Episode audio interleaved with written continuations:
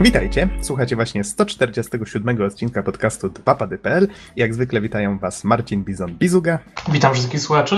Norbert Geksen-Jarzębowski i Bartłomiej Donsot-Tomycyk. Halo, halo? A mówi Adam Noxa 15 Dębski, nagrywamy w niedzielę 23 marca 2014. Jak tam panowie samopoczucie? Co tam ostatnio graliście? Saints Row The. No i A ty już nie, nie przeszedłeś?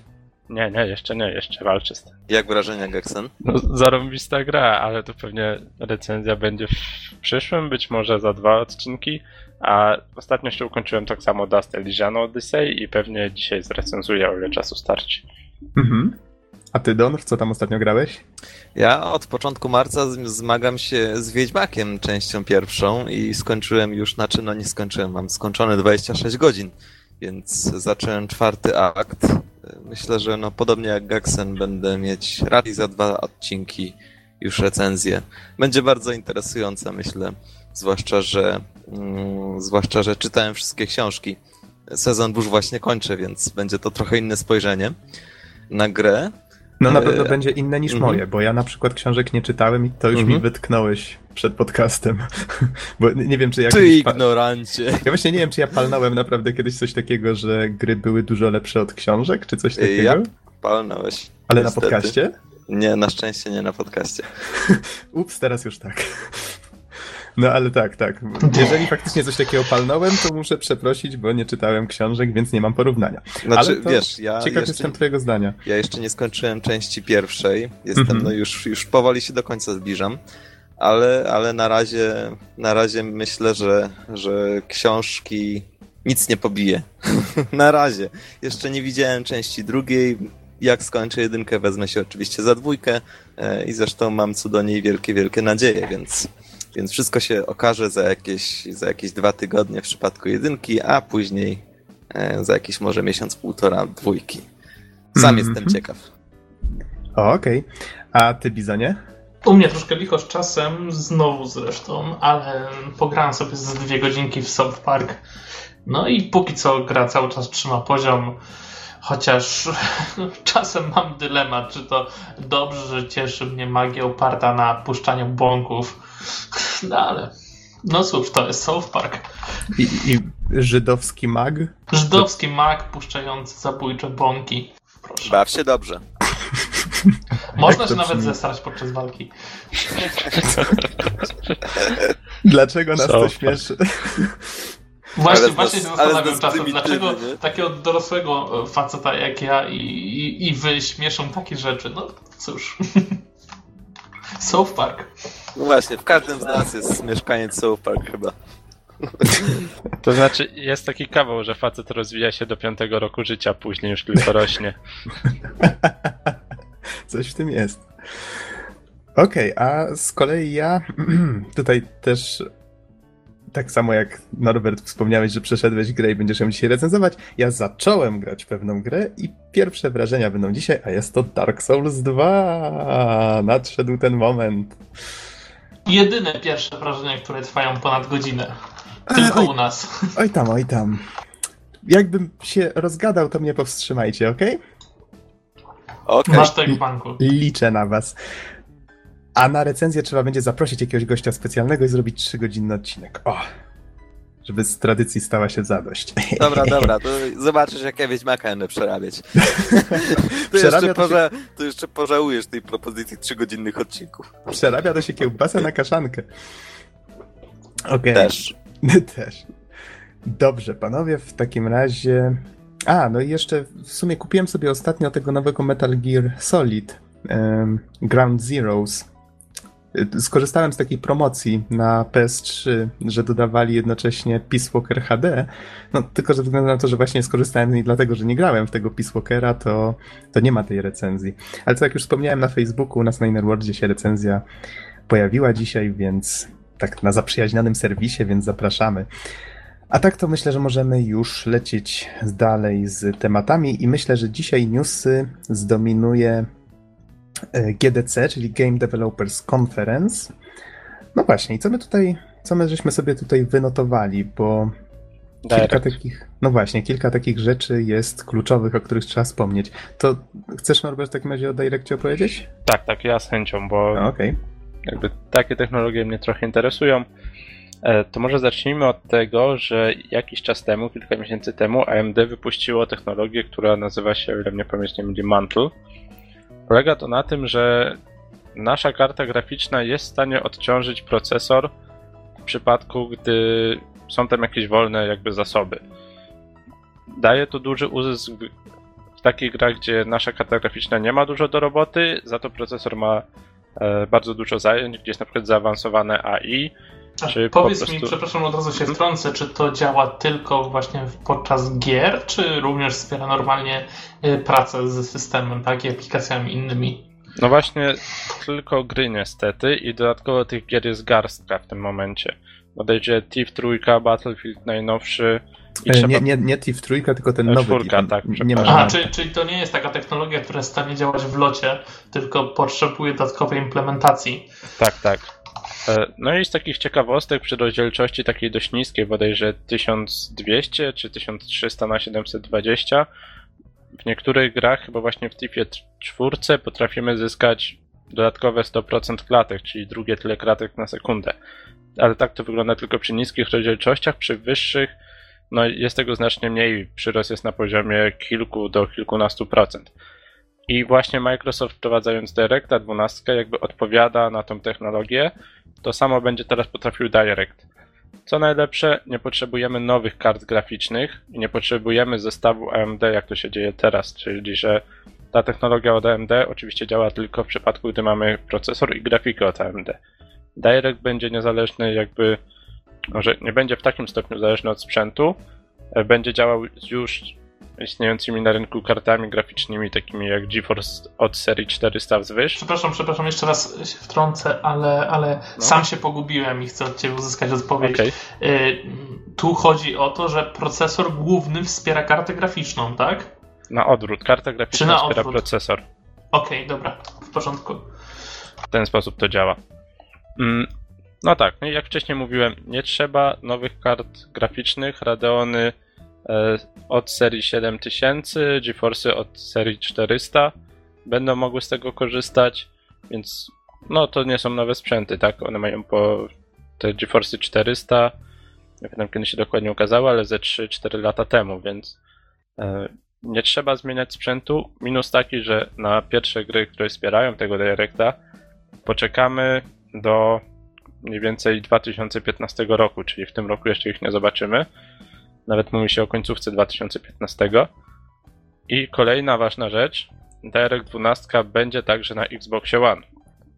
Więc tam także możemy liczyć na pewien, nawet dość spory wzrost wydajności w zależności od rozdzielczości i pewnie tego, jak sama technologia będzie zaimplementowana.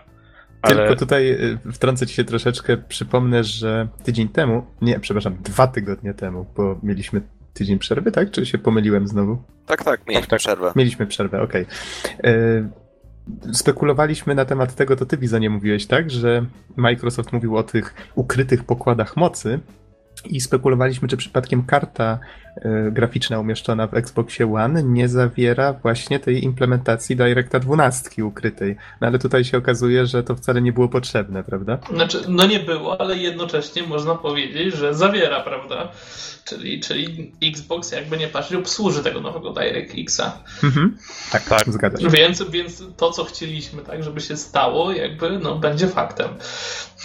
No i Mhm. wyobraźcie sobie, nie wiem jak bardzo będzie wydajna ta technologia, ale gdyby faktycznie przy tej rozdzielczości HD, nie Full HD, byłby stuprocentowy wzrost mocy, a raczej no, liczby klatek na sekundę, to różnica jest duża. Trzeba zobaczyć, no jak sama technologia będzie się sprawdzać. No ale jest na co Znaczy, czekać. pe- pewnie nie byłoby problemu, że podbić nagle wszystkie gry jednak do tego Full HD, tak? Który jest tak bardzo jakby goniony Microsoft. No, akurat w przypadku Full HD nie ma tak dużego przyrostu, ale jednak troszkę jest. No, poczekamy, zobaczymy, co sama technologia potrafi, ale możemy się spodziewać, że będzie troszkę wzrostu mocy. Przypomnijmy, że samo PlayStation także jest w sumie takie bardzo blisko PC-ta na AMD. Tam też jest wykorzystana przecież, e, a raczej może być wykorzystane to Mantle w jakiś sposób, więc PlayStation też tutaj może nadgodzić. Pytanie, jak się dogada i jakie tam kroki poczyni. Sony dogada się z Microsoftem a propos konsol. Nie, ale może się dogadać z AMD odnośnie e, technologii Mantle. A, no okej, okay, okej, okay, to troszeczkę się tutaj zagalopowałem. Więc w tą stronę mogą pójść. Poczekamy, mhm. zobaczymy, ale jakby faktycznie obecne konsole jeszcze nie ujawniły całego swojego potencjału, a i PC-ty zarazem zyskają troszkę dodatkowej mocy. To jest jak najbardziej fajna idea. Okej, okay, to w takim razie to wszystko a propos Directa? Mhm. Chyba tak, dobrze. W takim razie lecimy dalej i widzę, że mamy na liście y, konkurencję, czy może właściwie nie konkurencję dla Oculus Rifta, właśnie mm, to może Don, ty troszeczkę tutaj oglądałeś jeden filmik, może coś czytałeś, bo ja przyznam szczerze nie zdążyłem, ale mowa o Project Morpheus, tak? Tak. Czyli Project... odpowiedzi Sony na no Właśnie, Oculus Project. Morpheus to jest produkt Sony, który, yy, który dalej eksploruje, yy, oprócz jakby obok Oculusa, yy, no to jakby możliwości, jakie daje rzeczywistość E, no, wirtualna rzeczywistość, w sensie mm, jest to Project Morpheus, o Jezu, ale się gubię dzisiaj, za dużo alkoholu. E, Project Morpheus to jest po prostu, e, to jest po prostu coś w rodzaju Oculusa, tyle że na, na, na PlayStation. I w zasadzie ma być to urządzenie bardzo podobne. Jak sam określił to redaktor z portalu TechRadar, nie ma być to stricte konkurencja dla Oculusa, ale raczej Mm, coś w rodzaju współpracy, ale na takiej zasadzie, że e, na takiej zasadzie, że jakby tą technologią zainteresowała się druga firma i w ten sposób e, w ten sposób e, mogą mm, zainteresować tym także twórcy gier w sposób szerszy. To znaczy Oculus po pierwsze nie będzie już sam, będzie mieć e, no, alternatywę, no i dzięki temu jakby ten kierunek, e, ten kierunek tworzenia sprzętu może się troszeczkę jeszcze bardziej rozpowszechnić, co może być oczywiście tylko korzyścią dla graczy. Jak na razie zostało wypuszczone demko, które mm, i zostało zaprezentowane redaktorom demko mm, jakieś tam na przykład podwodny, że gracz jest atakowany przez rekina, czy też y, w klimatach fantazy średniowiecznych mm, i kon dwa kontrolery move mogą być wykorzystywane do kontrolowania lewej i prawej ręki. Więc, y, więc jakby no, da dalej jest to prototyp i jest on troszeczkę prymitywniejszy na razie, od, od Oculusa, który zresztą też nie jest skończony, ale widać, że prace idą do przodu i, i być może, być może myślę, że już wkrótce jakby mm, ten, ten kierunek tworzenia sprzętu do grania e, może, może się po prostu zaludnić różnymi projektami i jestem ciekaw, e, jak to wszystko wyjdzie, dlatego że pamiętajmy, na takiej konkurencji zyskują właściwie zwłaszcza gracze. Mhm. Wiesz, wydaje mi się, że tutaj strasznie fajnym pomysłem jest ta e, integracja z Move'em. Tu żeśmy rozmawiali wcześniej a propos Oculusa, że będzie można w jakiś sposób wykorzystywać razem z nim e, Razer Hydra, tak? Mhm. Tak się nazywał ten sprzęt. No właśnie, to tutaj mamy od razu sprzęt od Sony, prawda, z tymi move'ami. No, to, to mi się wydaje takim fajnym kierunkiem, bo to, tak jak już mówiłem kiedyś, jak właśnie dyskutowaliśmy o tej wirtualnej rzeczywistości, uważam, że widok rąk, albo właściwie jakaś taka interakcja oparta na tym, żeby te ręce było widać w tej wirtualnej rzeczywistości, jest tutaj dość kluczowa. Sam, sam fakt rozglądania się po tej przestrzeni trójwymiarowej jest oczywiście super ważny, ale wydaje mi się, że właśnie te ręce to jest to, co do tej pełnej immersji będzie potrzebne. Właśnie wiesz co, Noxu, może e, idąc troszeczkę w ten temat, e, mi się zawsze wydawało, że jakby dużym krokiem milowym byłoby oddzielenie w FPP-kach e, Oczywiście właśnie na zasadzie kontrolowania głową, na przykład za pomocą Oculusa, oddzielenie widoku, oddzielenie jakby obracania głową Y, acelowania. To znaczy, mm, bardzo często teraz, jak na przykład przyłączyłoby się Oculusa do mhm. Call of Duty, no to na dobrą sprawę celowalibyśmy głową, czyli jakby broń cały czas byłaby przyklejona do prawej dolnej części ekranu. Natomiast fajnie byłoby, gdyby ruchy głowy były niezależne od tego, jak postać trzyma broń. To znaczy, rękoma kontrolujemy to, jak ona trzyma tę broń, a głową możemy się y, niezależnie rozglądać. To byłoby całkiem ciekawe, ale myślę, że to jeszcze nie jest ten moment. Znaczy, no poczekaj, bo ja widziałem demko właśnie na tym projekcie e, Sony, gdzie korzystają z tego sharpshootera, który to, to jest taki pistolet dla mówów. I właśnie gość chyba grał w Killzone albo w coś na, na, na, tej prezentacji i no, było właśnie tak, jakbyś chciał, tak? Rozglądał się razem z bronią, celował, no a patrzył sobie gdzie chciał jednocześnie, tak? Ale czy to, czy to działa na takiej zasadzie, że powiedzmy, e, no dobra, za ten wątek Tak, e, że- się szczegółowo za, z, e, Że broń- zagłębimy. Czy broń nie jest przyczepiona do głowy, tak to działa, A, z tego tak, co zrozumiałem. Tylko tutaj Właśnie trzeba pamiętać, trzeba pamiętać, że wtedy gry FPP, czy akurat shootery, No musiałyby być być inaczej tworzone. Tak, zupełnie inaczej, bo to jakby jest y, w całej architekturze gameplayu, prawda? Znaczy widzisz, tutaj, tutaj właśnie y, Sony ma przewagę, bo zauważ, że te shootery, które mają już implementację właśnie dla tego sharpshootera, to właśnie tak to działa, że oprócz tego, że idziesz, to celujesz całym tym karabinem w ekran, tak? Więc to jest już jakby gotowe rozwiązanie. Y, Po, po prostu kwestia jest tego, żeby rozglądanie przełączyć na głowę. Jest Mhm. dużo łatwiej to zrobić w tym momencie. Wiecie, z czym mi się to skojarzyło? Jak Don zaczął o tym opowiadać, to od razu mi się przypomniał Metroid Prime, e, a konkretniej.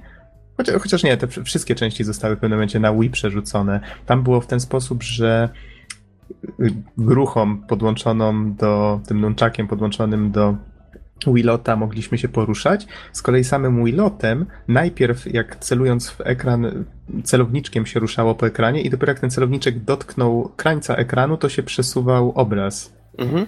I to, to tak troszeczkę mi się skojarzyło z tym. To nie jest oczywiście to samo, ale, ale to też było takie wrażenie troszeczkę inne niż z reguły w FPS-ach. Jak grałem, to to tak taki ciekawy budowało klimacik. No właśnie to byłoby świetne, gdyby można było powiedzmy patrzeć w przód, a powiedzmy gdzieś tam wycelować broń w prawo i no właśnie, to byłoby świetne.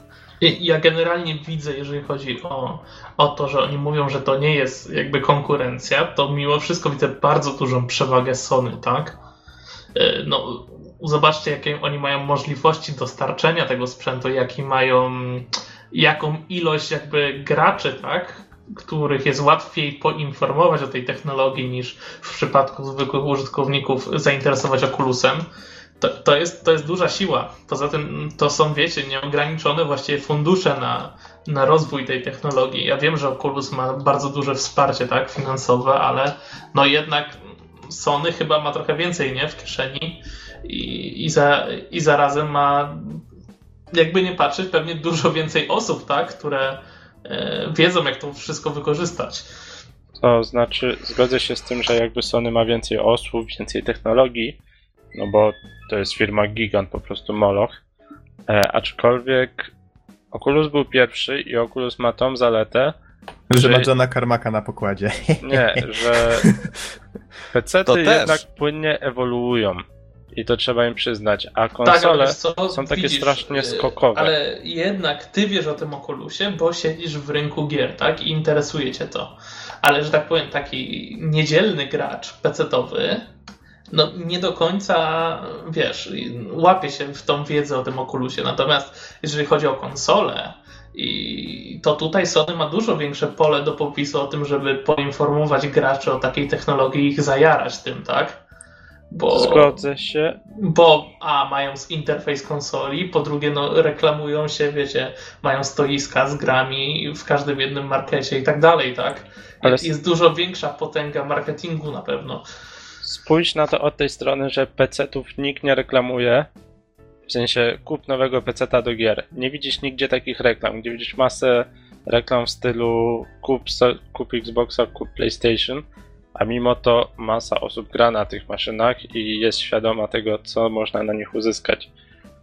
Więc mimo tej maszyny marketingowej, nie mówię, że wszyscy, ale jest spora grupa osób, naprawdę ogromna, która jest jakby dalej świadoma tak tego, co potrafią pecety i jakby jakie są konsekwencje tego wyboru, zarówno plusy, jak i minusy, no.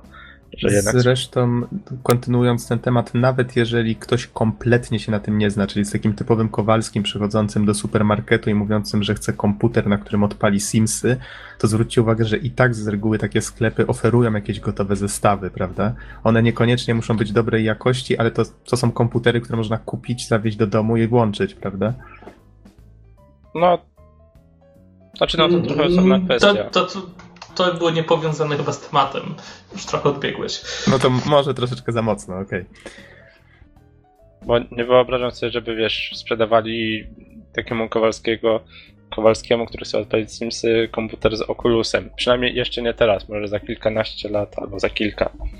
Ale, Mhm. ale zestaw PlayStation 4 z Oculusem i dwoma mówami już jesteś w stanie sobie wyobrazić, nie?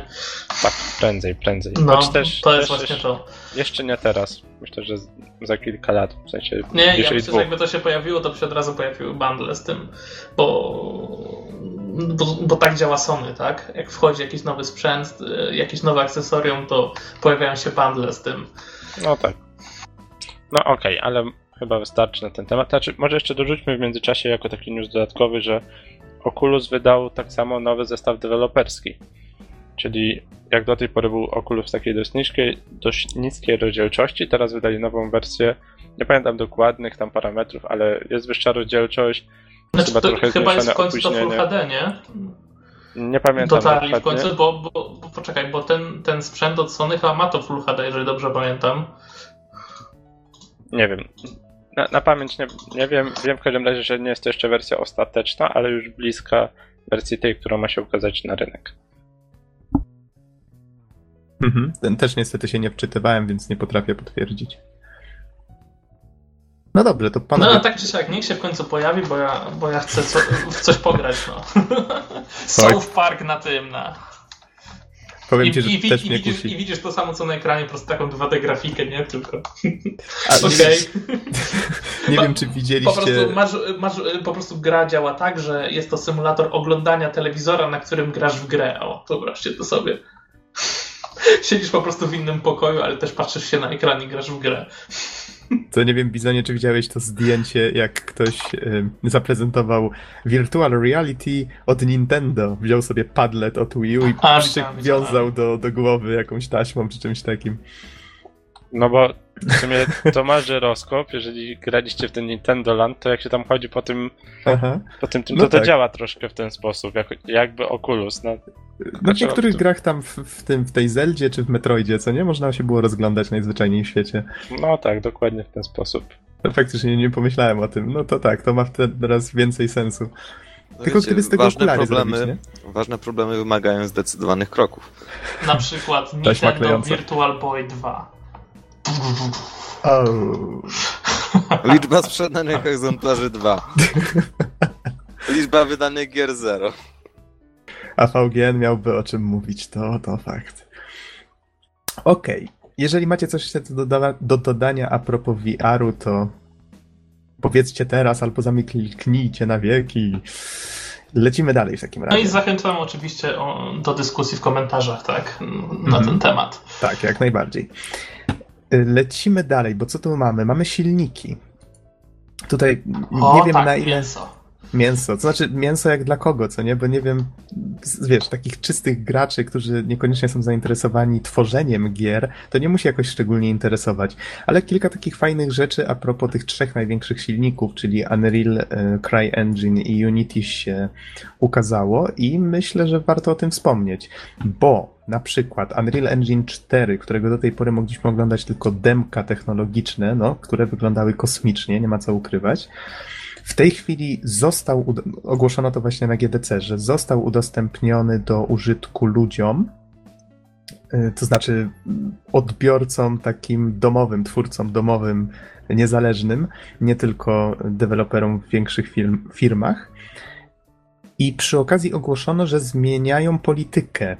To, to jest w ogóle taka ciekawa sprawa, bo wydaje mi się, że chyba musieli się dogadać y, na przykład z Crytekiem, bo oni zrobili to dosłownie w tym samym momencie i w bardzo podobny sposób, tyle że Crytek Znaczy bardziej wiesz co, ja myślę, że cenę oni zauważyli, gdzie, gdzie, gdzie jest łatwiej od ludzi ciągnąć kasę, nie? Aha. Jeżeli ciągnie się jej mało co miesiąc, to jesteś w stanie sprzedać ten produkt grupie osób, które normalnie za diabły by się nim nie zainteresowały, już nie mówiąc o jego kupieniu, tak? To wiesz sobie, zanim może skończę w takim razie tłumaczyć, jak to ma działać, bo już troszeczkę wyprzedziłeś fakty. Y, Wcześniej to było w ten sposób, że było sobie ściągnąć UDK za darmo. Unreal Development Kit. I mogłeś sobie uczyć się w nim, mogłeś robić sobie różne rzeczy, mogłeś to wydać i no, mogę nie znać szczegółów, ale to chyba było tak, że jeżeli zarobiło się więcej niż 100 albo więcej niż 50 tysięcy dolarów na tym, co się stworzyło, to dopiero wtedy oni zaczynali pobierać no tu jakiś procent, on był dość wysoki, pamiętam, zysków z tego, co się stworzyło. W tej chwili postanowili, że zrobią tak. Płacisz subskrypcję, czyli w tym przypadku 19 dolarów albo 19 euro miesięcznie i wtedy masz dostęp do najnowszych update'ów. Jeżeli przestaniesz płacić... Ale poczekaj, poczekaj, bo to, co mnie interesuje, bo no. ja nie wiem, jak to jest, ale wydaje mi się, że Aha. to UDK, takie co było darmowe, to nie była taka stuprocentowa pełna wersja, prawda, tego silnika, a teraz mhm. otrzymujesz y, ten taki pełnoprawny, nie? I to jest Unreal. najważniejsze, tak, zgadza się, to jest najważniejsze w tym wszystkim. Zmieniła się ta polityka, musimy płacić, znaczy możemy płacić co miesiąc, jeżeli przestaniemy przestaniemy płacić, po prostu mamy ten silnik, ale nie w najnowszej wersji, nie dostajemy update'ów. Ale, a, no i jeszcze 5% od zysków z tego, co zrobimy, niezależnie od tego, ile na tym zarobimy. Aha, czyli, czyli rozwiązujesz mój problem, bo się zastanawialiśmy z Piotrem w pracy, Aha. E, jak to jest, czy jak wydam tą grę, to muszę płacić to 19 dolarów e, przez cały okres, jakby kiedy ta gra jest w sprzedaży. Ale to chodzi tylko o update'y, tak? Do tak, tego tak, to chodzi tylko o update'y. Nie, to bardzo mądrze rozwiązane. Poczekaj, bo teraz ci mhm. wrócę do tego, co powiedziałem wcześniej już, okay, okay. jeśli chodzi o tą politykę, bo to nie są pierwsze firmy, które się pchają w tego typu politykę. Jakiś czas temu Adobe, tak, producent między innymi Photoshopa, właśnie też przeszedł na tego typu subskrypcje i mogę mhm. się założyć, że właśnie dzięki temu zaczyna zarabiać się pieniądze, bo ludzie, którzy normalnie piracili ten soft, są w stanie go teraz kupić, bo jeżeli płacimy za niego 20 dolarów Y, powiedzmy miesięcznie 50 za cały pakiet, tak jak jest w Adobie, to jesteśmy w stanie sobie na to pozwolić i jednocześnie nie czujemy się oszukiwani, bo zawsze mam aktualną wersję, tak? A powiedz bo... mi, czy tak działa tak samo jak w, w, tym przypadku, że jeżeli przestaniemy płacić, to po prostu mamy tę wersję, którą. No nie, nie, nie. Z Adobem jest tak, że tracimy dostęp do oprogramowania. Aha. Okay, ale, okay. ale za to no, jest duży plus, tak, bo jakby nie patrzeć, y, coroczny update softu y, w wypadku korzystania z Master Collection, a właściwie można powiedzieć, że dostajemy ten naj, naj, najpełniejszy pakiet płacąc y, tą główną subskrypcję, no to jednak co, co, co rok trzeba było wyłożyć 7 tysięcy, żeby zaktualizować soft do nowej wersji. A teraz w sumie wychodzi tak, że płacimy 4,5 tysiąca rocznie i mamy zawsze aktualny soft, nie? Nie wiem, jak dla mnie, nie, przy, przy moich zastosowaniach na przykład biznesowych jest to świetna sprawa, tak, bo mogę płacić i mieć zawsze aktualny soft, tak, nie czuję się e, dojony przez firmę, tak, Mhm. I, I myślę, że to właśnie tego typu rozwiązania, tak? I właśnie tutaj to samo z tym Unrealem są w stanie sprawić, że dużo więcej osób tak naprawdę będzie płacić i w rezultacie zyski też będą większe. E, znaczy... Wiesz, ja tutaj jeszcze sekundkę Norbert, zwróciłbym, nim zapomnę, zwróciłbym uwagę na jedną rzecz. UDK było właśnie, tak jak wspomniałeś, taką specjalną wersją stworzoną do tego, żeby każdy mógł z tych narzędzi korzystać w domu. Sęk w tym, że przez to wiele osób uczyło się na tym silniku, tworzyło na nim, ale właściwie większość z nich prawdopodobnie nigdy nic na nim nie wydała. A w tej chwili Epic może od każdej takiej osoby jednorazowo ściągnąć sobie to 19 dolarów czy euro. No tutaj przelicznik jest niestety Dokładnie. jeden do jednego. A poza tym, jeżeli dobrze pamiętam, to licencja na pełną wersję do tego momentu kosztowała milion czy dwa miliony dolców. Ale to była taka wersja chyba zupełnie stuprocentowa, kody źródłowe, wiesz, to nie, nie jestem pewien, ale to chyba no, tak to ta wersja teraz, którą dostajesz za 19 dolarów yy, różni się czymś od tego pełnego Unreal'a? No nie, mówisz, że masz pełną wersję. To Też znaczy, ma kody źródłowe z tego, co słyszałem. Tak, to jest bardzo ważna zmiana, do której chciałem właśnie przejść. W tej chwili to, co dostajemy z tym Unreal Engine 4, to jest w ogóle dość spora zmiana względem trójki i UDK, bo w tej chwili jeżeli wierzyć twórcom w opisach, dostajemy kod źródłowy w C. Ja nawet kupiłem, szczerze mówiąc, i ściągnąłem, powiem wam szczerze, i faktycznie mam kod źródłowy Unreal'a, jak to brzmi, nie? Możesz to sobie otworzyć w Visual Studio, możesz to przejrzeć, możesz to skompilować i po prostu odpalić. I to jest edytor, to jest kod silnika, znaczy właśnie nie jestem pewien na ile silnika, ale na 100% edytora. Oni twierdzą, że to są pełne kody. Ja nie mam na tyle dużej wiedzy, żeby oszacować, ile tego naprawdę jest, ale no to jest naprawdę coś. Za taką cenę to jest e, wow. Po prostu wow. Dostajesz jedno, jedną z najlepszych technologii do tworzenia gier właściwie w pigułce.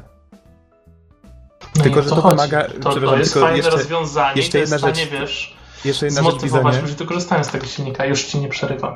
Nie, nie, nie, ja jedną rzecz chciałem tylko dodać, bo nim ktoś się napali straszliwie, ja to kupiłem, ale mój komputer, jak się okazało, jest o połowę za słaby, żeby to w ogóle uruchomić. Więc to, To jakie kody, są wymagania? to, że, to, że mam kody źródłowe Unreal'a wcale nie znaczy, że mogę go odpalić. Eee, już ci mówię, sekundkę, mam tu gdzieś otwarte. Wymagania. Wymagania są takie: Windows 7 64-bitowy albo Mac OS X 10.9.2 albo późniejszy, czterorodzeniowy procesor Intela lub AMD 2,5 GHz albo szybszy, A to I- widzę sporą zmianę, bo UDK, po, po takie UDK nie było dostępne na Maki, co, co swojego czasu zjadło mi trochę nerwów. Tak, tylko że tutaj jest jeszcze podane, że mm, ta wersja Macowa nie przeszła jeszcze e, poważnych testów. Jest dodane, że dopiero w ciągu pół roku od teraz to będzie taka dopracowana wersja tego silnika jako całości. E, co do karty graficznej Nvidia GeForce 470 GTX albo AMD Radeon 6870 HD Tak, albo wyżej. Może zaznaczmy, że mowa tutaj jest o tym najnowszym silniku Unreal 4, który jest raczej przewidziany na next geny, dlatego takie wysokie wymagania. Tak, i Znaczy- 8 GB RAMu. Ale za to chyba to połączenie na przykład na Maca, jeżeli dobrze kojarzę, to dzisiaj czy, czy wczoraj ogłoszono, że pojawiła się już wersja tego Unreal'a 4 obsługiwana na e, telefonach komórkowych, tak? Y, Tak, jest podane Android support is rough and bla bla bla. Tak, czyli też jest podane, że wersja na Androida y, nie przeszła jeszcze dokładnych testów, ale tak, jest tutaj dostępna. Ale, ale też na iOS-a i na wszystko, tak jak pewnie z poprzedniej wersji będzie można eksportować, więc tym bardziej fajnie, że będzie ta wersja na Maca działająca.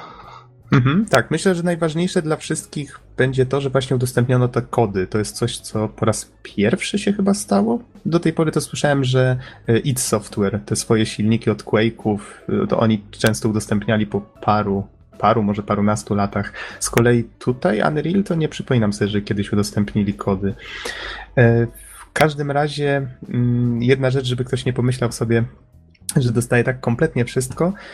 Wersja no bo wiadomo, silnik wspiera też tworzenie gier na PS4 i Xboxa One, tylko że to nie jest dodane w tej, e, w tej wersji właśnie subskrybowanej. Tutaj jest taka zakładka e, Custom Licensing, czyli że można sobie jakąś taką własną licencję tam dogadać się z Epiciem i oni w ramach tej licencji udostępniają te, te takie kody dodatkowe związane z konsolami. No bo wiadomo, one są w jakiś tam sposób chronione przez producentów konsol, to oni nie mogą sobie tak po prostu rozdawać. No ale jak ktoś ma zdolności, to może sobie zapisze. Samemu sobie napisze. Wiesz, Ma jest jeszcze, podstawę już do pracy, no i dawaj. problem jest jeszcze taki, że trzeba być licencjonowanym twórcą na O, konsolę. come on. No niestety, to tak, to tak jest. Tworzenie na konsolę jest niestety trochę upierdliwe. Mm. Maxu, to ja popchnę trochę temat do przodu i powiedz mi, jak to jest z Unity? Czy tam też trzeba dokupywać te, te, te paczuszki Tu powiem e, ci szczerze, do że eksportu na inne Aha. konsole? tu powiem ci szczerze, że nie zagłębiałem się aż tak w przypadku CryEngine'u i Unity. W każdym razie Unity 5 też już jest chyba dostępny i z tego co widzę to jest 75 dolarów miesięcznie, czyli dużo więcej. Ale bardzo możliwe, niestety nie zagłębiałem się aż tak głęboko, że nie ma tego, tych opłat royalties, czyli mm, procentów od zysku. Ale nie bierzcie tego jako pewnik. A Unity nie jest samo w sobie darmowe? Unity ma wersję darmową. Jest wersja darmowa i jest wersja Unity Pro, która no, ma różne dodatkowe opcje. I ona już chyba do tej pory cały czas ona chodziła za 75 zł miesięcznie, albo można było jednorazową opłatę chyba 1500 dolarów. Wiecie, tak traktujcie to troszeczkę e, z przymrużeniem oka, mogę się mylić, ale to, to chyba mniej więcej tyle wynosiło. Wszystkiego można się oczywiście dowiedzieć na stronach tych silników, ja zamieszczę te linki pod podcastem. E, Z kolei CryEngine CryEngine właśnie ogłosili, że też przechodzą na podobny model finansowy, tylko że oni z kolei ogłosili, że oni będą sprzedawać za 9,90 dolara miesięcznie. Czyli tutaj taniej o 10 dolców, tak? No cóż, trzeba być konkurencyjnym. Ale też nie znam tutaj szczegółów, tak samo jak w przypadku Unity. Nie wiem, czy są jakieś royalties, czyli te opłaty już po wydaniu gry i nie wiem też dokładnie, co dostajemy. Akurat zgłębianie trzech silników jednocześnie to nie jest coś, co jestem w stanie zrobić fizycznie, więc. No, może kiedyś. Może kiedyś.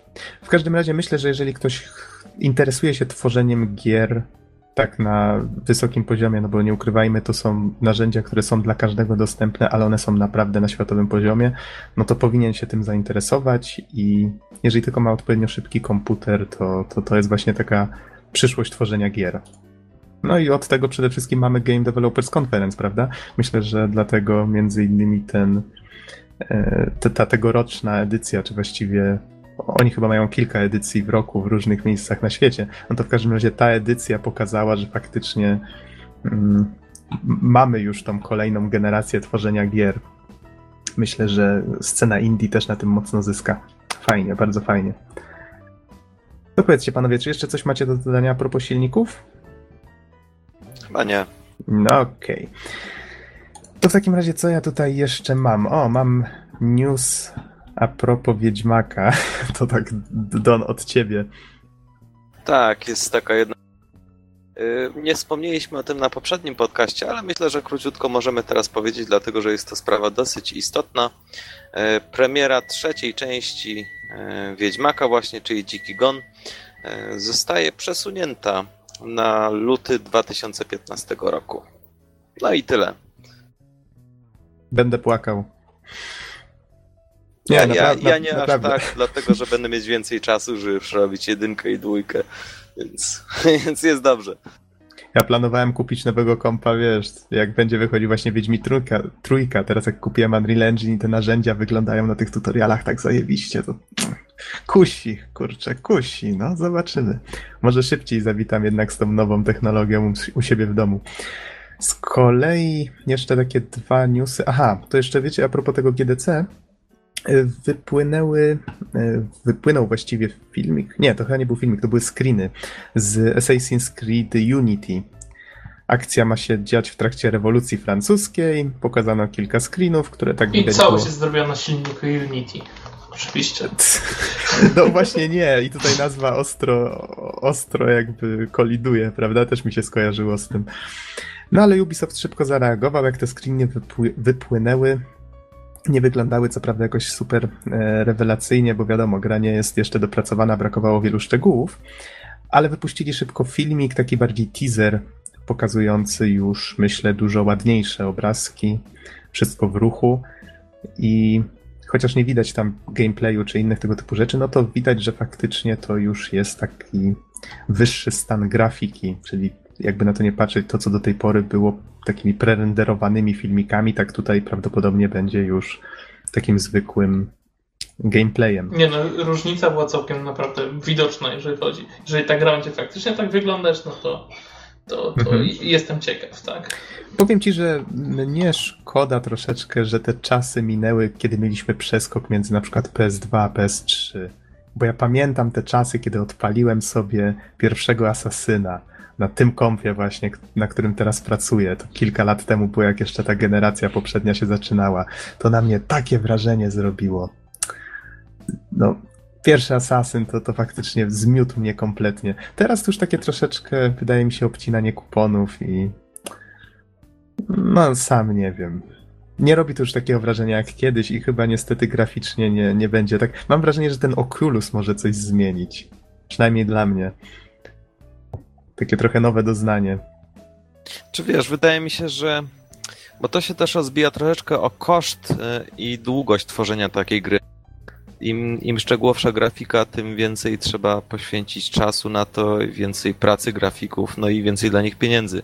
No, a z kolei taka gra, chociaż osiągła nieraz kuriozalne ceny, o czym rozmawialiśmy, ale, ale jednak mimo wszystko jest pewna granica wydaje mi się, że, że jakby dochodzimy troszeczkę do takiego momentu, że, mm, że już jakby mm, ten punkt ciężkości troszeczkę cofa y, postęp graficzny, natomiast y, myślę, że masz tu troszeczkę rację, jeśli chodzi o Oculusa. Na pewno, na pewno wprowadzi zupełnie inne, inne doznania do, do gry i no cóż, myślę, że chyba wszyscy bardzo czekamy na to, aż w końcu dorwiemy go w swoje łapki. mhm, zgadza się. I jeszcze w sumie dwa takie newsy, nim przejdziemy do, do dwóch głównych tematów. Do Dark czyli... Souls. Pilnujcie mnie, naprawdę. E, mianowicie takie castlevaniove newsy. Ostatnio tak coś mi weszło w krew, żeby castlevaniove newsy e, jednak na podcaście też przedstawiać. Mianowicie Castlevania Lords of Shadow Mirror of Fate HD, czyli ta wersja z bogatszymi teksturami, która pierwotnie, znaczy ta gra pierwotnie wyszła na 3DS-a i potem w wersji HD wyszła też na konsolach, tak wersja PC-towa w tym miesiącu jeszcze ma się pojawić na Steamie. Nie jestem pewien kiedy dokładnie, bo w sumie miesiąc nam się powoli kończy, ale takiego newsa mam tutaj na eurogamer.pl i, i w sumie gdzieś tam indziej też znalazłem potwierdzenie, więc prawdopodobnie jest to prawdą. I taka informacja, która prawdopodobnie zainteresuje głównie takich staroszkolnych fanów Castlevanii, mianowicie producent Koji Igarashi, o którym wspominałem poprzednio, bo miał mieć własną prelekcję na GDC, no i z tego co mi wiadomo odbyła się ona, tylko że nie znalazłem jakiegoś zapisu wideo czy czegoś takiego. E, no właśnie tutaj niespodzianka, opuścił Konami. Jeszcze przed GDC. Stwierdził, że podobnie tutaj jak producent Megamena, który teraz tworzy właśnie Mighty Number no. 9, e, też postanowił, że stanie się bardziej niezależny, założy własne studio i będzie tworzył takie gry, których jego, e, które oczekują jego fani. No i to w sumie, myślę, taka fajna wizja. Co prawda nie zobaczymy już Castlevanii per se od niego. On dużo tych Metroidvanii takich znanych stworzył, Symfonię Nocy tutaj, żeby najbardziej znaną wymienić. No, ciekaw jestem właśnie, co on będzie tworzył. Skoro twierdzi, że to gry, na które jego fani czekają, no to prawdopodobnie będą to jakieś platformówki 2D, takie trochę rozbudowane platformówki 2D, właśnie w stylu tym Metroidvaniowym. No i cóż, ja czekam, życzę mu powodzenia. I jeżeli będzie jakaś kampania na Kickstarterze, to no, kto wie, może się w końcu przemogę, tak? Wiesz co, Noxu, wydaje mi się, że y, w branży jakby mamy mhm. kolejny etap. To znaczy najpierw, najpierw, tak upraszczając może troszeczkę, e, mieliśmy ten wybuch e, wielkich korporacji i wielkich gier. Potem pojawiło się indie, które no, po dziś dzień wprowadza świeżość na większości platform. Natomiast teraz zwróć uwagę, że już nie pierwszy raz podajemy newsa, w którym ktoś z jakiegoś, nie wiem, mniej, mniejszego lub większego studio, które działało komercyjnie, nagle zaczyna działać indie, nagle stwierdzi, że odchodzi i próbuje działać na własną rękę i cytuję właśnie tworzyć gry takie, jakie oczekują od niego fani. Czyli jakby kurczę, myślę, że mamy, mamy tutaj nowy poziom, to znaczy takie, nie wiem, bardziej profesjonalne indie. Nagle okazuje się, że ten model tworzenia jest jeszcze bardziej atrakcyjny i, mhm. nawet, nawet e, ci, którzy profesjonalnie się zajmowali tworzeniem gier, nagle postanawiają, że chyba, chyba lepiej wrócić do tej formuły. To jest dosyć ciekawe. I tak właśnie zastanawiam się, na ile, na ile ta tendencja się będzie jeszcze zwiększać. E, I oczywiście, jaki będzie mieć wpływ na, na samą jakość gier, chociaż myślę, że, że tutaj będzie po pierwsze wzrost, a po drugie być może nawet zwiększony artyzm. Mhm. Tutaj, znaczy. znaczy, wiesz, nawet nie artyzm. Y, zwróć uwagę, że na przykład Keiji Inafune, czyli właśnie ten wspomniany producent, y, znaczy producent, przepraszam, to on nie był producentem chyba per se tych Megamenów, nie jestem tutaj stuprocentowo pewien, ale był mocno związany z tą serią. Y, projektantem był przede wszystkim tej postaci on zaczął tworzyć gry, zebrał ekipę z tych starych Megamenów i zaczął tworzyć gry, które jego fani oczekiwali. Czyli to jest takie troszeczkę robienie pod publikę, prawda? Ale to jest widocznie coś, w czym on się dobrze czuje, on potrafi, czuje te klimaty i chce te gry robić, prawda? Mhm. Myślę, że tak samo będzie tutaj właśnie w tym przypadku e, u Kodziego i Garashiego. Jeszcze myślę, że całkiem niedawno, tak jak wspomniałeś, żeśmy o tym wspominali, to był Ken Levin, tak? Od Bioshocka. Bodajże Tylko, że... tak Tylko, że w tym przypadku zwróć uwagę, że e, wydawca zadziałał tak sprytnie, że dogadał się z nim jednak. Powiedział, okej, okay, spokojnie, nie odchodź, nie rób nic gwałtownego, my ci damy tutaj mniejsze studio, będziesz mógł sobie eksperymentować i tak dalej, czyli oni za, zadziałali w porę, prawda? Dogadali się z nim, widzieli, co się święci, że jeżeli nie zadziałają, to on prawdopodobnie odejdzie i będzie robił coś na boku. Więc no, no ale tak, widać tą tendencję, że że ci znani twórcy chcą mieć więcej y, wolności twórczej. To że... samo zresztą widać na naszym podwórku. Ostatnio mówiliśmy o projekcie 11-Bit Studios, This War of Mine.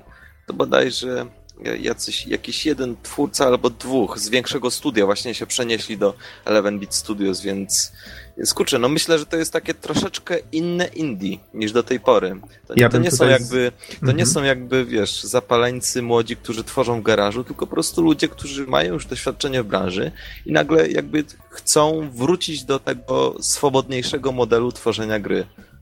Mhm, to tutaj pamiętaj, Cliff Bleszyński, też o nim żeśmy mówili, e, a, a propos naszego podwórka, to przecież Adrian Chmielarz i jego Astronauts. Mhm.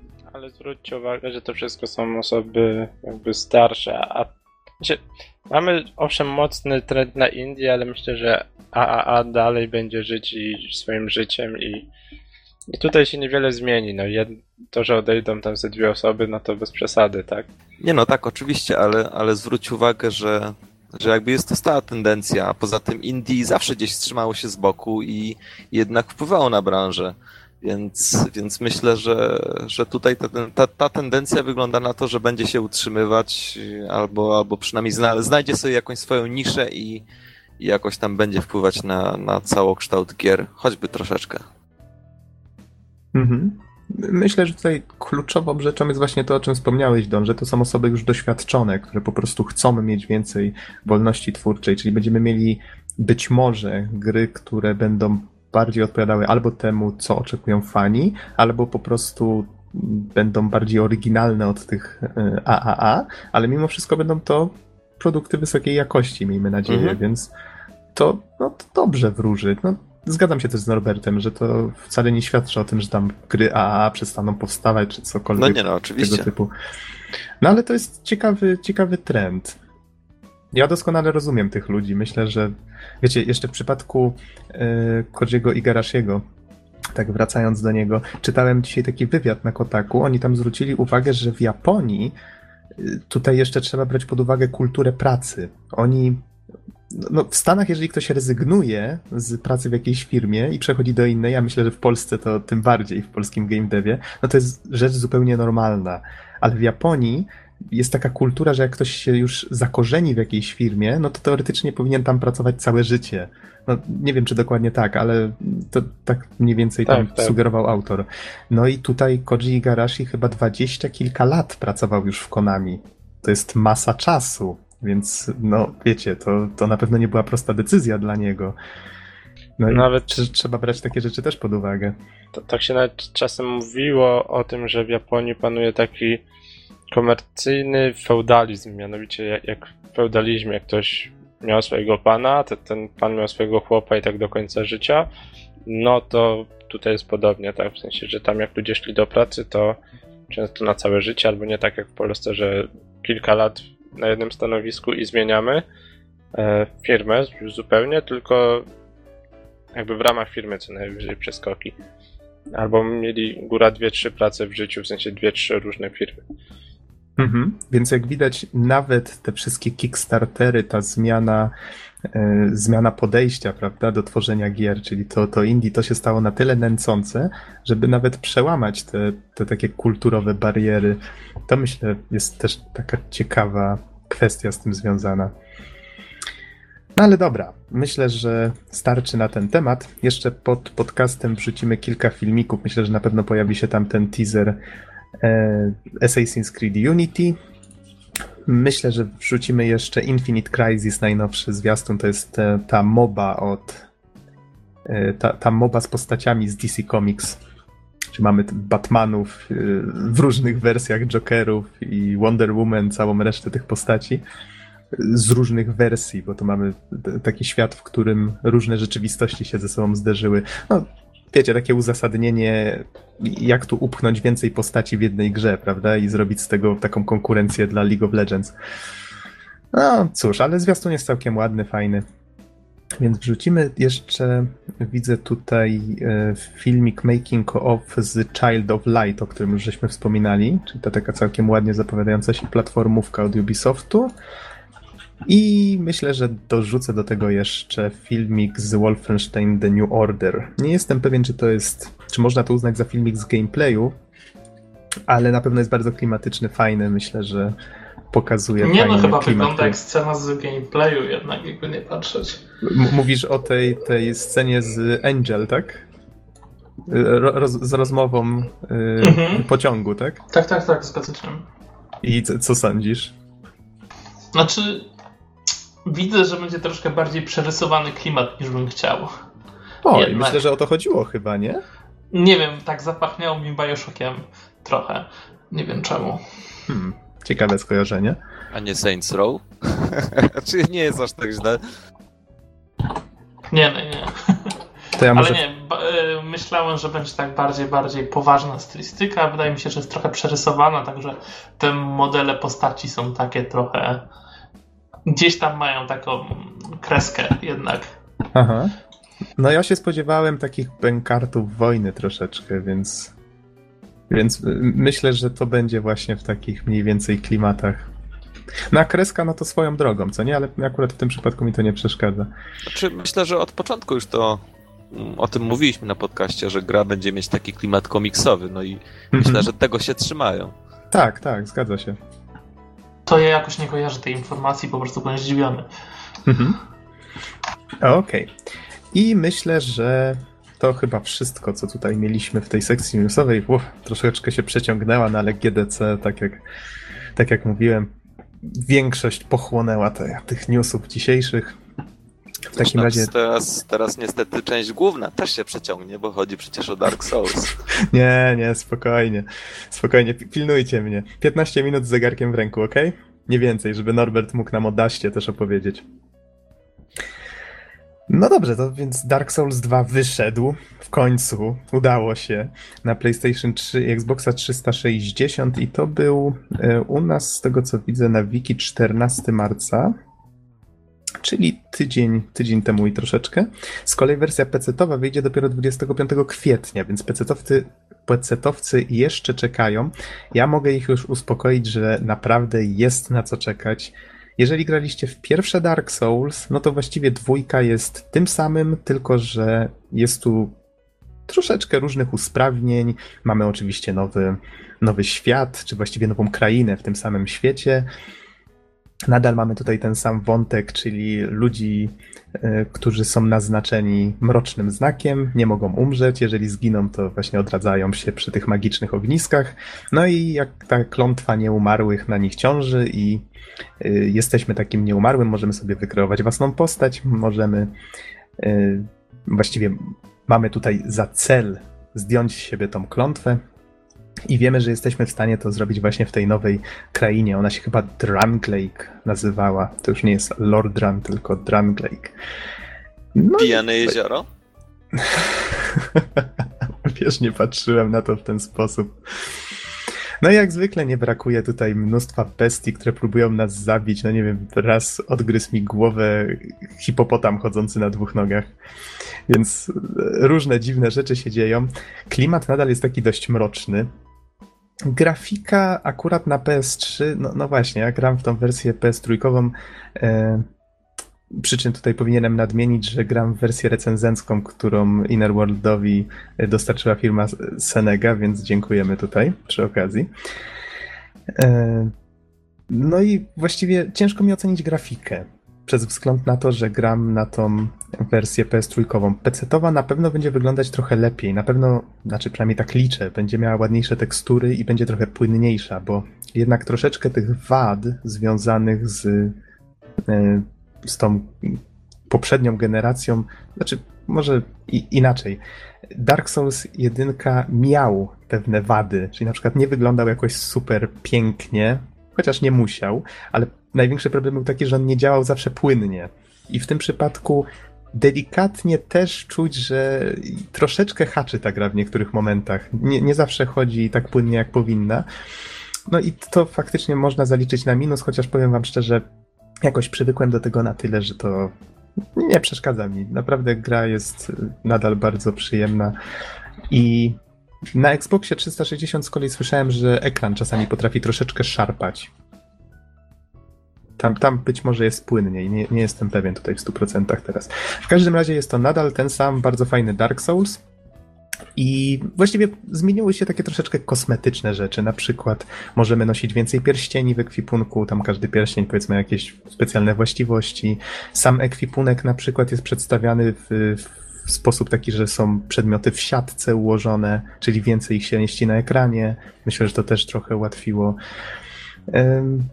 Nie miałem jeszcze okazji, akurat taki, taki build postaci sobie zafundowałem. Stworzyłem sobie postać, która potrafi walczyć jednocześnie dwoma mieczami. Nie wiem, czy gdybym wybrał inną klasę, to jest akurat taka nowa klasa, szermierz się nazywa. Nie wiem, czy jakbym wybrał inną klasę, to też mógłbym to robić. W każdym razie mm, takiej klasy wcześniej nie było. Zniknęła klasa, którą zawsze brałem, czyli zniknął złodziej. Zawsze brałem taką postać, która miała najwięcej staminy.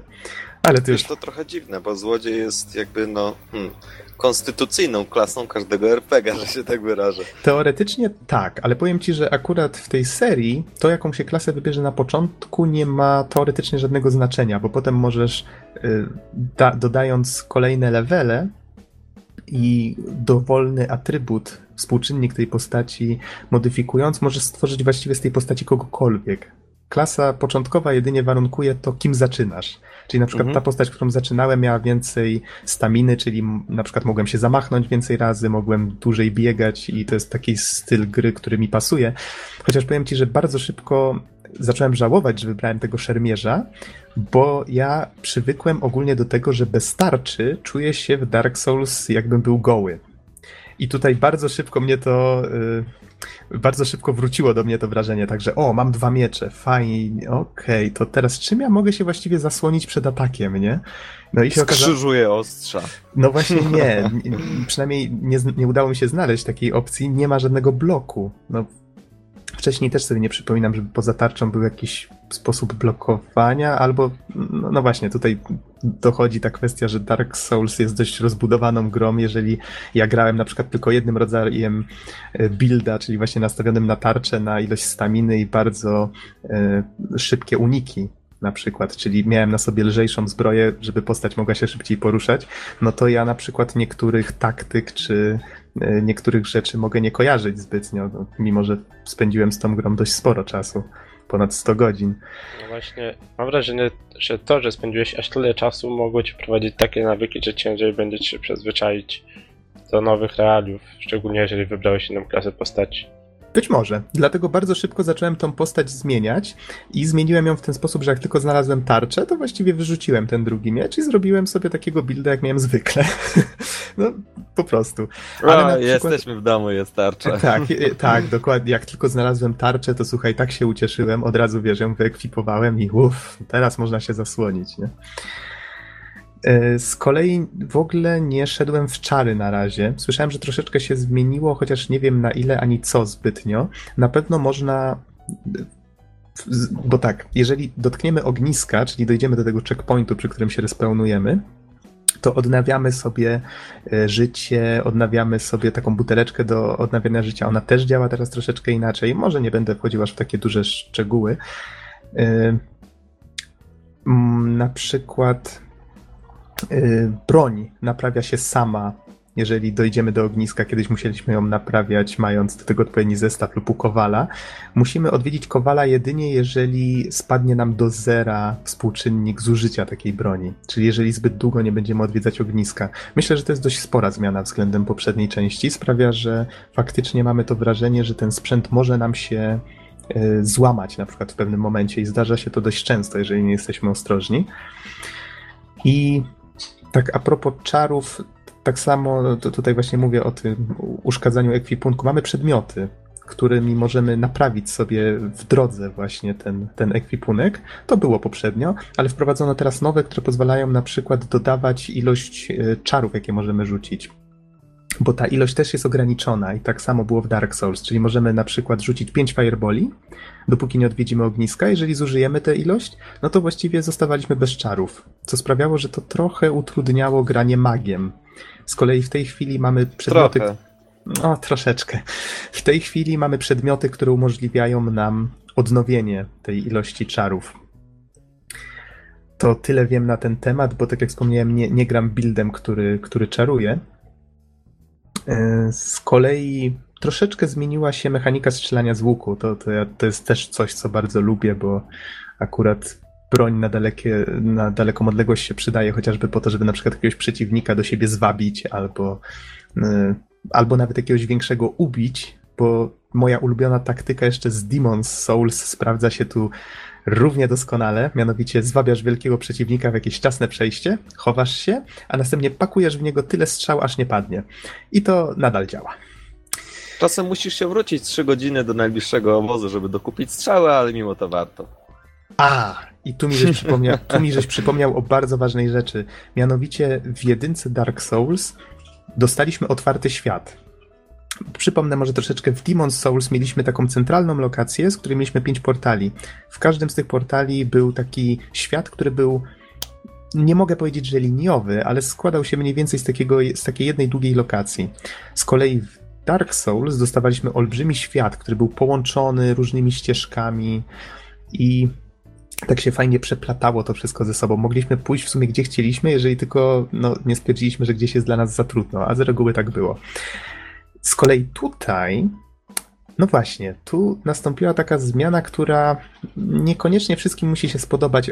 Troszeczkę wrócono do, może inaczej zmieszano te dwa pomysły ze sobą. Czyli nadal mamy otwarty świat, nadal możemy wrócić wszędzie, gdzie byliśmy, y, nadal teoretycznie wiele lokacji się łączy ze sobą, ale, ale ja przynajmniej po przegraniu tych ponad 20 godzin, pokonaniu czterech bossów, mam takie wrażenie, że tutaj mimo wszystko świat składa się z takich też miejsc, gdzie trafiamy po prostu. Na przykład na przykład ukończyłem taką jedną fortecę i w pewnym momencie porwał mnie taki olbrzymi orzeł i zaniósł mnie w zupełnie inne miejsce w tej samej krainie. Czyli zerwała się tu taka troszeczkę więź y, z, z lokacją. Nie wiedziałem zbytnio już, gdzie jestem i nie jestem pewien, czy twórcy dalej idą tą samą drogą. y, Im dalej, wiecie, będzie się toczyła akcja. Być może po prostu całość gry będzie zrobiona w ten sposób, że to będą takie mniejsze lokacje, umieszczone w zupełnie odseparowanych od siebie miejscach i ja tam będę w jakiś sposób trafiał. Tego nie wiem. Zobaczę jeszcze. Póki co wydaje mi się, że troszeczkę ten sposób y, podejścia do tego z Dark Souls 1 mi się bardziej podobał. I tutaj rzecz, o której mi przypomniałeś, Don. W jedynce mogliśmy podróżować między ogniskami takimi kilkoma wybranymi, ale dość późno w grze. Z kolei tutaj twórcy posłuchali fanów i zrobili w ten sposób, że już od początku gry możemy się teleportować między dowolnym ogniskiem do innego ogniska. Czyli jest, y, zaoszczędzić można trochę czasu w ten sposób. Można zaoszczędzić trochę czasu, ale hmm, no właśnie, nie sposób mi tu nie wspomnieć. Pamiętasz naszą prelekcję na ZTG? Jak Mhm. wspominałem, że, że jedna z fajniejszych rzeczy właśnie w level designie w Dark Souls to było to. To jest poczucie ryzyka. W sensie, że Tak. albo idziesz dalej w głąb i ryzykujesz, że, że, bę- że wiesz, że musisz się wrócić. Im, da, im inaczej. Im, im, Im dalej pójdziesz w głąb, tym, im tym dłuższą masz drogę powrotu, na przykład do miasta bezpiecznego. I z, z tym się wiąże oczywiście ryzyko. Z tego, Mhm. co mówiłeś. Tak, i to było zwłaszcza odczuwalne, jak się schodziło gdzieś tam w głąb jakiejś podziemi, gdzie nie wiedziało się właściwie, co napotkamy. Zawsze wiedzieliśmy, że nawet jeżeli dotrzemy do następnego ogniska, to że kiedyś będziemy musieli wykorzystać tą samą drogę, żeby zawrócić, a ona mogła być usiana już odnowionymi potworami. I tutaj jakby troszeczkę. Troszeczkę to zniknęło. Nadal lokacje są zaplątane, fajne i w obrębie konkretnej na przykład fortecy, bo na razie póki co akcja toczy się głównie w jakichś takich starych, zrujnowanych zamkach, to myślę, że twórcom udało się w obrębie takich pojedynczych miejsc faktycznie fajnie zaplątać, więc to jest nadal w bardzo podobnych klimatach, w bardzo podobny sposób zrobione. Czyli, że powiedzmy krążymy po tych labiryntach, krążymy, znajdujemy jakiś sposób, żeby skrócić drogę i otworzyć przejście do miejsca, w którym już byliśmy. I to nadal działa tak samo i nadal równie fajnie się sprawdza. Tylko, że między tymi miejscami już jakby nie ma tego wrażenia. No i to, to, to nie, nie, wszystkim się musi podobać. Mnie troszeczkę to boli. Wydaje mi się, że w dwójce trochę, w jedynce, w sensie Dark Souls mi się to trochę bardziej podobało. No ale to już, to nie jest jakiś duży minus, bo tak na dobrą sprawę w grę gra się tak samo jak zwykle. I myślę, że taka jeszcze jedna zmiana, o której, którą zauważyłem, mianowicie odniosłem wrażenie, że nie wiem, czy to jest celowe, może to jest bug. w pewnym momencie zauważyłem, że niektóre potwory zaczęły mi znikać zawsze było tak, że niektóre potwory odnawiały się zawsze po odwiedzeniu ogniska wokół, a niektóre znikały od razu po pokonaniu ich po raz pierwszy. W tej chwili jest tak, że jak tylko próbowałem e, robić grind, czyli latać po tych samych potworach, żeby zdobyć trochę dusz i się ulepszyć, no to w pewnym momencie się zorientowałem, że te grupy potworów, po których latałem, przestały się pojawiać. Zupełnie tak, jakby twórcy powiedzieli: e, e, e, nie ma takiego grindowania, ale tutaj wiesz, idź do przodu. I to mnie trochę zaskoczyło, i wtedy zacząłem przyjmować trochę inną taktykę, i może to był cel y, twórców. Zacząłem mianowicie pomagać innym graczom pokonywać bossów. I wtedy na przykład zorientowałem się, że chyba trochę się zmieniło to względem poprzedniego Dark Souls, chociaż tutaj nie jestem w 100% pewien, tak jak mówię, te gry są dość rozbudowane. Y, poprzednio chyba działało to w ten sposób, że nie dało się pomagać innym graczom w lokacjach, które się już wyczyściło. Czyli jeżeli się przeszło przez jakąś lokację, pokonało bossa, i tutaj tak jak mówię, nie jestem w 100% pewien, to chyba nie dało się w tej samej lokacji pomóc innym, żeby pokonać tego bossa. Z kolei tutaj zwróciłem uwagę, że nie ma takiego problemu. Mogłem się wrócić do bossa, którego pokonałem, zostawić znak na przykład przed wejściem do tego bossa i następnie powiedzmy poświęciłem sobie godzinkę albo dwie, żeby tłuc tego bossa z innymi i pomóc im go pokonać. No też się nieźle przy tym bawiłem. Tak na dobrą sprawę z 10 razy tego samego bossa pokonałem. Nie zawsze się udawało oczywiście, bo to, że samemu się potrafi to robić, to nie jest jeszcze gwarantem sukcesu w tej grze. Zwłaszcza jak się gra z innymi osobami, a to działa w ten sposób, że jeżeli ktoś, kto cię przyzwał, zostanie zabity w trakcie takiej walki, no to ciebie odsyła z powrotem do, do twojego świata, czyli do twojej gry. To jest bardzo fajna rzecz i myślę, to, to oczywiście nadal jest tutaj to wszystko z pomaganiem sobie nawzajem albo z nawiedzaniem e, innych światów, chociaż przyznam, na razie tylko jedna osoba mnie nawiedziła, więc to jakoś tak rzadziej się na razie pojawia. Ale to oczywiście wszystko nadal, nadal tu jest. Wiesz co, Nox, oglądam sobie teraz kawałek gameplayu Mm. No i może powiem taką trochę oczywistą rzecz, ale, ale tylko ale jeżeli, myślę, mogę, to... jeżeli mogę prosić, bo ja na przykład unikałem oglądania jakichkolwiek gameplayów, żeby mieć więcej niespodzianek. Nie, nie, ja nie, nie będę ci w żaden sposób spoilerować, po prostu Aha. E, jakby wydaje mi się, że gra nadal wygląda na bardzo dużą, w sensie lokacje są naprawdę bardzo epickie, labirynty strasznie poplątane i jak rozumiem to wszystko w dwójce zostało zachowane tak, w tak. tradycji mhm. serii, czyli wszystko wygląda tak masywnie, jest wielkie, no i jest cała masa zabawy, tak? Tak, bo powiem ci, że ciężko, znaczy właściwie ciężko tę grę z czymkolwiek pomylić. Jeżeli ktoś widzi Dark Souls 2, to od razu widzi, o, to jest ta sama seria. Bo to wygląda wszystko podobnie, gra się w to identycznie. Początkowo miałem tylko troszeczkę problemów, na przykład mam wrażenie, że lewa gałka jest bardziej czuła niż była poprzednio, czyli że postać łatwiej zmusić do biegu ciężej się trochę skradać, ale to może mi się tylko wydaje, nie, nie jestem pewien. Ale tak to wszystko właściwie, wiesz, poczułem się jak w domu od razu. I, I, jedna rzecz może taka już na koniec, bo to w końcu tylko pierwsze wrażenia, prawda? Chociaż ponad 20 godzin przegrałem, to jest więcej niż wiele gier trwa już w dzisiejszych czasach. Yy, twórcy zapowiadali, że gra będzie bardziej przystępna. W sensie, no tutaj niektórzy się oburzyli, jak to chcecie uprościć Dark Souls? Nie, nie, nie, nic, nic z tych rzeczy. Yy, chodziło im o to, przynajmniej tak widzę po tym, co zrobili, że gra na początku troszeczkę stara się lepiej tłumaczyć, o co w niej właściwie chodzi. tak, nie, naprawdę. Za chwilę, za chwilę zginiesz. Za chwilę zginiesz i tak się napisy się tylko pokazuje.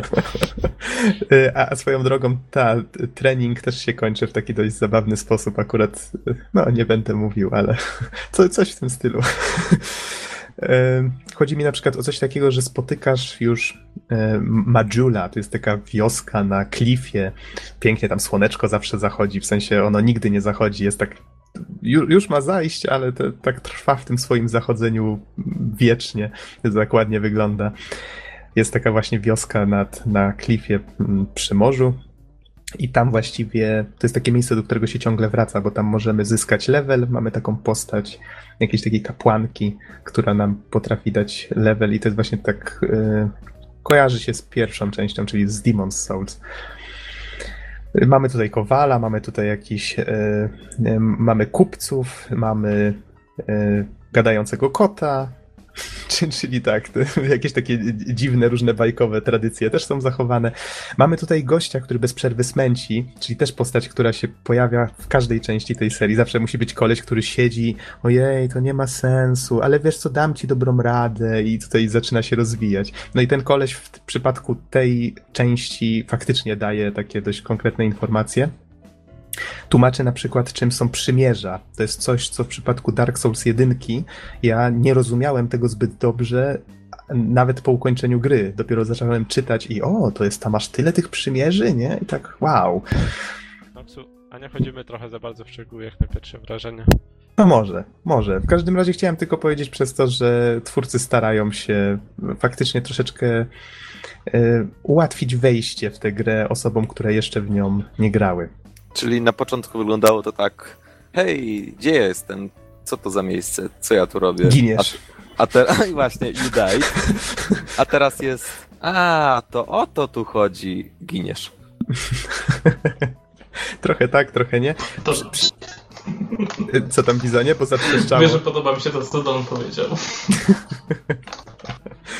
Przy czym jedna uwaga, na początku gry wchodźcie w drzwi z mgły, bo za nimi kryje się tutorial. Ja po paru godzinach gry dopiero wróciłem na początek i się okazało, że ominąłem cały samouczek, bo no, no cóż. No, doświadczenie mi podpowiadało, żeby nie wchodzić za wcześnie w drzwi z mgły i tak się potem przejechałem na tym, chociaż dobrze, że wiedziałem jak się gra. Okej. Okay. Koniec. Mieliście mnie powstrzymywać, jak się rozgadam na temat Dark Souls. Mnie nie powstrzymujecie. Więc myślę, że jak na pierwsze wrażenia to, to starczy. Jeżeli lubiliście Dark Souls, grajcie w Dark Souls 2. Jeżeli cóż, nie podobało wam się Dark Souls albo Demon Souls, to myślę, że dwójka też wam się nie spodoba, ale możecie w sumie spróbować. A jeśli nie znacie serii, to co byś polecił? Hmm, to, to jest ciężkie pytanie, ale ja bym osobiście radził grać sumie w dowolną część. Wiecie, tu nie trzeba znać kompletnie poprzednich części. Można przechodzić je w dowolnej kolejności. One się różnią tam szczegółami mniejszymi lub większymi. Właśnie, Noxu, ja mam do Ciebie jeszcze jedno pytanie konkretnie, Aha. Y, bo właściwie prawie w ogóle nie zarysowałeś fabuły. Mm, znaczy, być może w serii Souls ona nie ma większego znaczenia. Liczy się bardziej gameplay, ale y, po pierwsze, może jakieś dwa słowa więcej na temat historii. I może drugie moje pytanie. Aha. E, jakie jest powiązanie Dark Souls 2 i Dark Souls 1? Fabularne na przykład. Czy, czy na przykład kierujemy zupełnie inną postacią, czy, czy, czy, czy słychać coś o postaci z jedynki, czy, czy, czy to w ogóle się w jakiś sposób łączy? Powiem ci, Don, że prosisz się teraz, żebym gadał przez następne 20 minut. Eee, nie wiem, czy na pierwsze wrażenia to aż tak ten, ale po, powiem tak. Na razie nie wychwyciłem żadnego konkretnego powiązania z jedynką, poza właśnie tym, że jesteśmy tym nieumarłym, że mamy ten mroczny znak. O tym wszystkim jest wspomniane w intrze, które jest dość mroczne i klimatyczne. Nasza postać, e, no, ze względu na to, że możemy ją sobie wykreować, to ona jest tak przedstawiana dość e, początkowo na zasadzie, że nie widzimy jej twarzy, jest ubrana w jakieś takie ciuchy, że zbytnio nie widać, kim jest. I przedstawiane jest po prostu jakby ten moment. Y, no właśnie, nie, nie do końca wiadomo, co to intro pokazuje. Tak się domyślam, że to jest ten moment właśnie y, kiedy ta postać zostaje naznaczona tym znakiem, jest pokazana jakaś taka tajemnicza staruszka, która nam mówi, że musimy właśnie udać się do tego Dranglake, jeżeli chcemy zdjąć siebie tą klątwę. Tam na miejscu spotykamy z kolei trzy kolejne staruszki. A, i tu jakby też jest powiązanie. Mianowicie w Dark Souls była mowa o tym, że każde ognisko jest pilnowane przez e, Firekeeper, przez y, osobę, prawdopodobnie zawsze kobietę, chociaż tu nie jestem w 100% pewien, y, która dba o to, żeby to ognisko nie zostało zgaszone przez nikogo. I mieliśmy okazję spotkać właśnie takiego Firekeepera. Ogniomistrza ogniomi, ogniomistrzynię właściwie mieliśmy okazję spotkać w jedynce i tu właśnie okazuje się, że wszystkie te y, trzy kobiety, one kiedyś były właśnie takimi ogniomistrzyniami, dowiadujemy się tego od, od osoby, która się nimi opiekuje, no i one nam właśnie tłumaczą tak troszeczkę, że przybyłeś tutaj, żeby zdjąć tą klątwę, ho, ho, ho, ho, ho. Tutaj mówią, że nie jesteś pierwszym i pewnie nie ostatnim, nie? Tak się wyśmiewają w sumie z naszej postaci, ale też tam jakieś, jakieś rady nam też dają. I właściwie możemy wrócić potem jeszcze widziałem do, do tych postaci, u nich można na przykład sobie zresetować level. One mówią, że o, chcesz zacząć y, z czystą kartą, tak? I tam jak masz odpowiedni przedmiot, to możesz wtedy zresetować sobie level do zera, jakby jeszcze raz rozdysponować punkty, ale to jest taka trochę związana z mechaniką kwestia. Tak, to są już szczegóły, dokładnie. I w samym, w samym Majula, czyli w tej wiosce, ta kapłanka tłumaczy nam, że musimy szukać. No i tutaj znowu taka kwestia. W jedynce szukaliśmy dwóch dzwonów, tutaj szukamy czterech potężnych dusz, czyli musimy zabić jakichś pradawnych, którzy mają te cztery pradawnych potężne. bogów. Tak, musimy znaleźć te cztery pradawne dusze żeby samemu nie zamienić się w hollow, czyli w pustego, bo każdy z tych nieumarłych, on co prawda umrzeć nie może, ale za każdym razem jak umiera, to traci trochę tego swojego człowieczeństwa i, i, i staje się bardziej pusty, czyli to taki trochę zombiakowaty.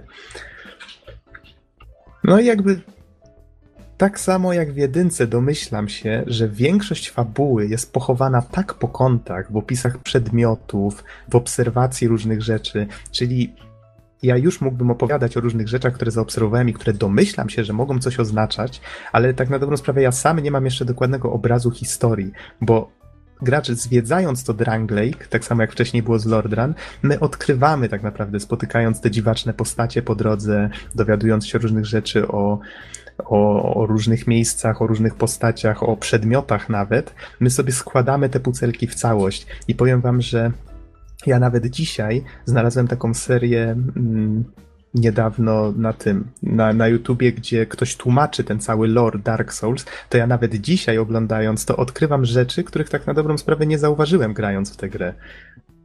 Ludzie po prostu poskładali te pucelki w całość i nagle okazuje się, że historia w tej grze jest dużo bardziej rozbudowana niż się wydaje. Jestem pewien w 100%, że Dark Souls 2 jest tak samo. Więc to nie jest taka historia wykładana, wiecie, kawą na ławę. Okej, okay. czyli myślę, że to by, to by podsumowywało sprawę. Dark Souls 2 jest świetne, możemy się spodziewać recenzji za jakiś czas. No to chyba tak. będziemy przechodzić do drugiego głównego tematu, czyli recenzji Gexena.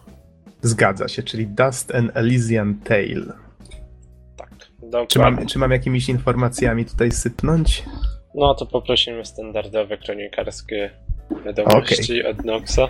Przede wszystkim e, nie jest to Dark Souls. Tak, to nie jest Dark Souls, nie było tworzone przez ludzi o Dark Souls i hmm, wyszło na XBLA, czyli ten e, Xbox Live Arcade, widzę e, w sierpniu 2012, potem na PC w maju 2013 i tu widzę jeszcze Linuxa i Maca pod koniec 2013 w grudniu.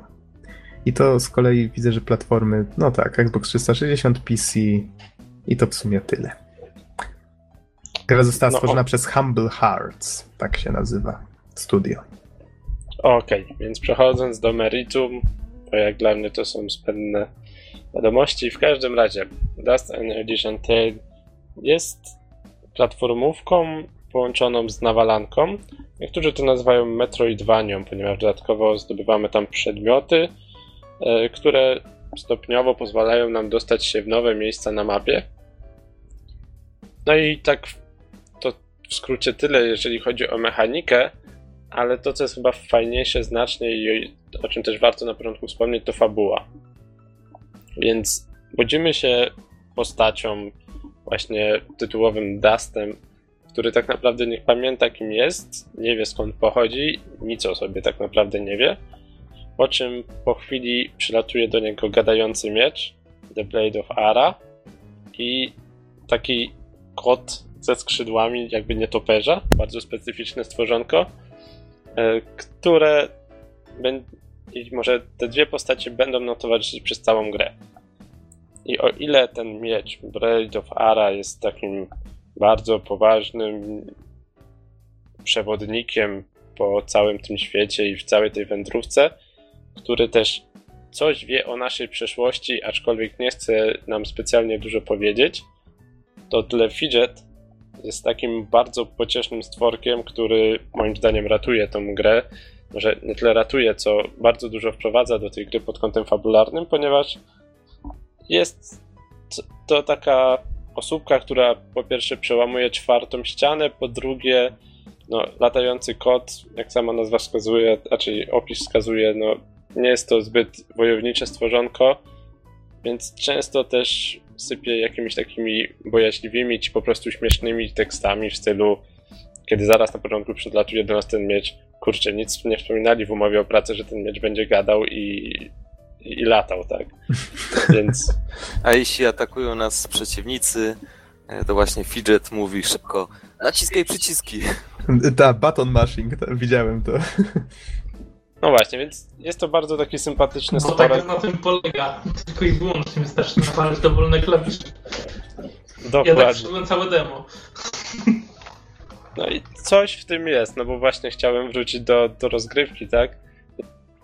Jeżeli chodzi o rozgrywkę, no to podstawowi przeciwnicy są bardzo, bardzo, bardzo prości. To, to jest tak naprawdę takie mięso armatne, że wystarczy naciskać jeden guzik i wszyscy padną bez problemu.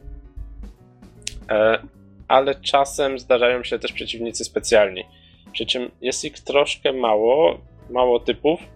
Tacy giganci, przed którymi musimy robić uniki, czarownicy, e, czasem bomby, które są tak naprawdę takim utrudnieniem, przeszkodą bardziej. E, no i też od czasu do czasu bardziej wyrafinowani szermierzy, którzy, no, z którymi musimy się troszkę pomęczyć, aczkolwiek tych postaci jest mało i spotykamy ich raczej pod koniec gry. Przez 3 czwarte gry tak naprawdę tniemy przez to mięso armatnie, niespecjalnie przejmując się tym, co naciskamy, tak? Mogę Więc... mieć pytanie? Mhm. Na jakim poziomie trudności grałeś? Nie wiem, albo na. chyba na normalnym. Ale do poziomu trudności jeszcze za chwilę powrócę, bo to też. Dobrze, no to za chwilę o tym opowiem. Generalnie tak. Oprócz tego, że właśnie sobie sieczemy przez tych przeciwników, mamy rozwój postaci. No i w związku z tym rozwojem też mamy czasem e, jakby pewne skoki trudności, ponieważ gdy rozwijamy postać, no to zwiększamy sobie zdrowie, e, tam zadawane obrażenia, zadawane jakby obrażenia od czarów i tak dalej. Aczkolwiek, jeżeli trafiamy, jeżeli jesteśmy w jakimś obszarze, na początku jest tak jeszcze umiarkowanie trudno, mianowicie no czasem spotkamy tego specjalnego przeciwnika i damy mu się trafić, e, no i dostaniemy jakieś obrażenia, aczkolwiek po pewnym pobycie w tym obszarze nawet ci przeciwnicy bardziej wyrafinowani czy trudniejsi nie stanowią dla nas żadnego wyzwania, ponieważ są oni na 2-3 uderzenia. To wynika z tego, że jakby nasza postać leveluje i te skoki są dość duże w poszczególnych levelach. Więc więc no, po pierwsze, czasem bywa za łatwo w starych obszarach, po drugie, czasem, jeżeli dostaniemy się w nowy obszar, e, trud, poziom trudności znacznie wzrasta e, i nawet przez tych podstawowych przeciwników jest problem się przeciąć, albo są przeciwnicy specjalni, z którymi naprawdę wtedy musimy się męczyć, no nie wiem, powiedzmy z minutę. Tak działo się w przypadku jest taki przeciwnik, którego nie można trafić fizycznie, tylko niestety czarami. I dodatkowo on przyzywa dodatkowych wrogów i niestety no, nawet starając się, tak, tak się w pełni skupiając na rozgrywce, był problem go pokonać jednego takiego przeciwnika. Okazało się, że w takim korytarzu, przez, którymi musi, przez który musimy przejść, jest takich trzech czy czterech pod rząd. Więc jest czasem trochę trudno i to tak naprawdę wynika z pewnego takiego niezrównoważenia gry i tego, gdzie trafiamy. skoki mówienie o, trudności. mówienie o poziomie trudności zaraz po pierwszych wrażeniach z Dark Souls 2. O, sweet. No, nie, nie jest dużo tego, tak? Ale mogę, w sensie chciałem tylko zastrzec, że czasem jest pewien problem związany z tym, że po wejściu w nowy obszar, jeżeli trafimy tam na kilku specjalnych przeciwników, no to się robi trudno. Czyli, że poziom trudności jest trochę nierówny. Tak, po wejściu w nowe obszary niektóre, szczególnie w pewnym momencie trafia się w, taki, w taką krainę z zombiakami i tam, tam spotykamy kilka nowych typów przeciwników i no i wtedy jest troszkę nierówno. Okej, Mhm. poza tym no jest to jakby charakterys- charakterystyczne dla tych metrowaniowych gier, gdzie stopniowo odblokowujemy nowe umiejętności, znajdując je w, nie wiem, po walkach z bossami na przykład, ale no dalej jest to uczucie irytacji, kiedy widzicie jakieś miejsce, gdzie można zrobić ślizg, jakiś wąski korytarzyk, którym można się prześlizgnąć, czy winorośla, po których można się wspiąć, ale niestety nie macie tej umiejętności, tak? I nic nie możecie z tym zrobić. No i trzeba pamiętać, żeby tam wrócić. No wiesz, ja myślę, że, że jeszcze akurat w tym wypadku to nie jest aż tak źle. Gorzej byłoby, gdyby te miejsca, w których można się prześlizgnąć albo gdzieś wejść dopiero po uzyskaniu umiejętności, byłyby zbyt mało uwypuklone albo niewidoczne. No może tak. Znaczy, tak jeszcze zwrócę uwagę na to, że tutaj bardzo przydaje się mapka, szczególnie dla łowców skarbów, że ich tak nazwę. Mianowicie mapka oznacza, jeżeli w jakimś fragmencie mapy jest skarb jeszcze do odnalezienia. I to jest dość dużą dokładnością do takiej jakby jednej planszy, więc jeżeli chcecie odnaleźć wszystkie skarby, no to powiedzmy, że gdzieś tam pod koniec gry wraca, wracacie do tych obszarów, no i zaczynacie tam szukać ponownie. Mogę źle pamiętać. Mogę źle pamiętać, ale to chyba tak samo działało w Super Metroidzie, albo w którymś Metroidzie na pewno tak to działało, że było zaznaczone kółeczkiem, gdzie t- taki jeden kwadracik na mapie, tak? Tak, tak, dokładnie ten sam mechanizm. No właśnie, i się to zmieniało na kropkę, jeżeli się już podniosło dany przedmiot. Mhm. Co wcale nie oznaczało, że było łatwo je znaleźć, nawet jak się wiedziało, że on gdzieś tam jest. Dokładnie przy Metroidzie miałem wrażenie, że było więcej jakichś ukrytych takich, nie wiem, w ścianie na przykład, że trzeba było wysadzić określony fragment ściany czy coś takiego. Tutaj jest tego znacznie mniej. Raczej trzeba znaleźć to miejsce i tyle już wystarczy. Choć Mhm. są jeszcze ze dwa czy trzy miejsca, które nie są oznaczone w grze, ale nie ma tego dużo, tak więc tym bym się nie przejmował. E, Poza tym gra posiada trochę elementów platformowych, czasem wiążą się one z unikaniem kolców, czasem jakimiś tam dodatkowymi innymi atrakcjami w stylu silny wiatr, który nas stara się gdzieś zepchnąć, czy na przykład lawiny, które co jakiś czas spadają i musimy ich unikać, zdążyć przebiec w korytarzu. Nie ma tego dużo, miło urozmaicają rozgrywkę, ale nie irytują, więc tutaj na plus. I to tak naprawdę tyle, jeżeli o tą grę chodzi, tak? E, może jeszcze dodam, w sumie fabułę tak dość szybko streściłem, skupiając się na postaciach, że fabuła rozwija się dość wolno, niestety, przez, no jak to w takich grach z tym, gdzie nie wiemy kim jesteśmy. I przez większość gry Och, Geralt, to samo. Gra- Niestety. No, przez większość gry gra tworzy więcej pytań niż odpowiedzi. Dokłada nam jeszcze kolejne, zamiast coś nam podpowiedzieć. Jakby podrzucając pojedyncze tropy, co w sumie buduje napięcie, tak? I buduje nasze takie poczucie ciekawości. Okej. wiem A to, powiedz mi, czy, to. czy zakończenie jest jakby satysfakcjonujące w związku z tym? Tak, choć dość fantastyczne, no ale w sumie cała gra jest Okej. w klimatach fantastycznych. O, kaman, latający koto, zwierzo, coś tam. No właśnie. E, no mówię, trochę fantastyczne, ale satysfakcjonujące moim zdaniem Mhm. i wyjaśniające 90% rzeczy. Na jedną rzecz jakby nie znalazłem odpowiedzi. Czyli troszeczkę jest, jest miejsca trochę na domysły, tak też. No właśnie, nie tyle domysły. Nie wiem, czy to będzie spoiler, ale mianowicie.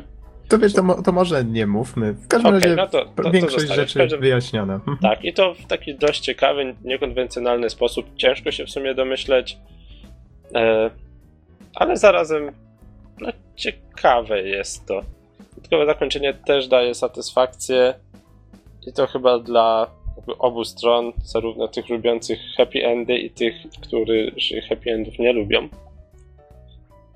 I sama gra myślę, że może mieć pewien przekaz, co też jest w sumie jakby na plus, no bo to jest po prostu ok, zabij tego kolesia i luz i, i na tym się kończy. Tutaj myślę, że też chodziło o coś więcej twórcom, ale też nie chcę zdradzać do końca o co. Więc gra ma... Nie, z kolejna gra do omówienia. No proszę. A, ale spokojnie, Don, ona nie jest na tyle głęboka, co nie wiem, co na przykład... E, o Boże, jak się nazywała ta gra z paleniem rzeczy w piecu? E, Little Inferno. Tak, gdzie można dyskutować całymi wieczorami. Okej, okay, więc tak, podsumowując. E, jeszcze kilka pytań, poczekaj, bo nie wspomniałeś, myślę, o, e, o kilku ważnych rzeczach. Przede wszystkim, ile zajęło ci ukończenie gry? Tu, tu, tu, tu, tu, tu. Liczenie, Żebym... liczenie, liczenie. No właśnie, nie pamiętam. Myślę, że szybkie przejście to jest 8-10 godzin, ale ja grę zmaksowałem, odnajdując wszystkie e, znajdźki. I podejrzewam, że zajęło mi to trochę więcej. Zaraz może na Steamie zobaczę. Okej, okay, to przy okazji ja przygotuję jeszcze jedno pytanie, mianowicie oprawa, bo wydaje mi się, że to jest taka rzecz, która się bardzo szybko rzuca w oczy. To wszystko jest rysowane, bardzo ładnie animowane. Jak mi to pokazałeś, to faktycznie zrobiło to na mnie wrażenie. Skojarzyło mi się troszeczkę z taką grą, nie wiem czy znacie, w sumie z dwoma grami od tego samego studia, Vanillaware. Oni stworzyli takie gry jak Odin Sphere i Muramasa The Demon Blade. To drugie w sumie na PS Vita niedawno trafiło.